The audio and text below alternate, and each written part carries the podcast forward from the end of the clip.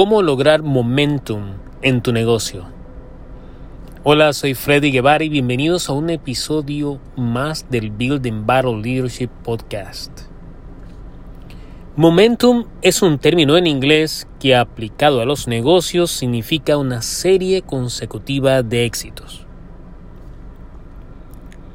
Lo que se busca al crear momentum es conseguir triunfos, aunque sea pequeños, pero consecutivos y constantes. Aunque este término no quepa dentro de los modelos de liderazgo y gerencia existentes, crear momentum puede ser una fuerza importante si tu empresa quiere cambiar o crecer. Entonces, ¿cómo logramos o construimos ese momentum? Lo logramos a través de las siguientes acciones. Número 1. Enfocarse en el corto plazo. Tu enfoque tiene que ser en el hoy, en el ahora.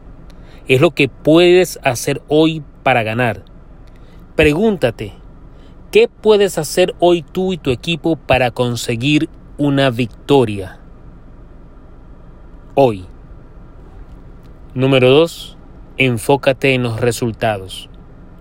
Claramente define las expectativas y los resultados que deseas alcanzar aquí te tienes que preguntar, ¿qué éxitos quiero alcanzar hoy, mañana, la próxima semana? Mientras más claro seas con los resultados que quieres lograr, mejor será tu enfoque y más fácil será crear el momentum que quieres lograr. Número 3. Desarrolla y promueve un sentido de urgencia cualquier cosa que tenga que hacer para construir el momento que buscas, hazlo ahora.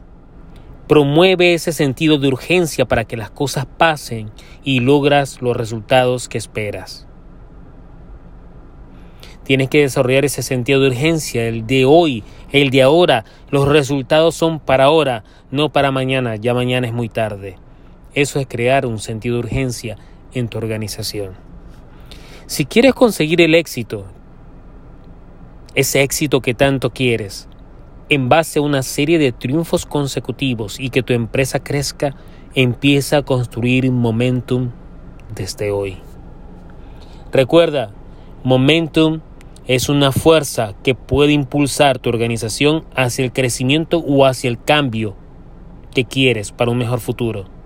Crea ese momentum, crea esa serie consecutiva de éxitos para lograr los objetivos y la visión de tu organización. ¿Qué esperas? Comienza a crear momentum a partir de hoy. Espero que te haya gustado este episodio y espero que te sirva de algo para que puedas crear ese momentum que tu organización tanto necesita a partir de hoy. Si te gustó este episodio, compártelo, déjame tu comentario. Si has tenido experiencia creando momentum en diferentes organizaciones, déjame saber para aprender de ti también.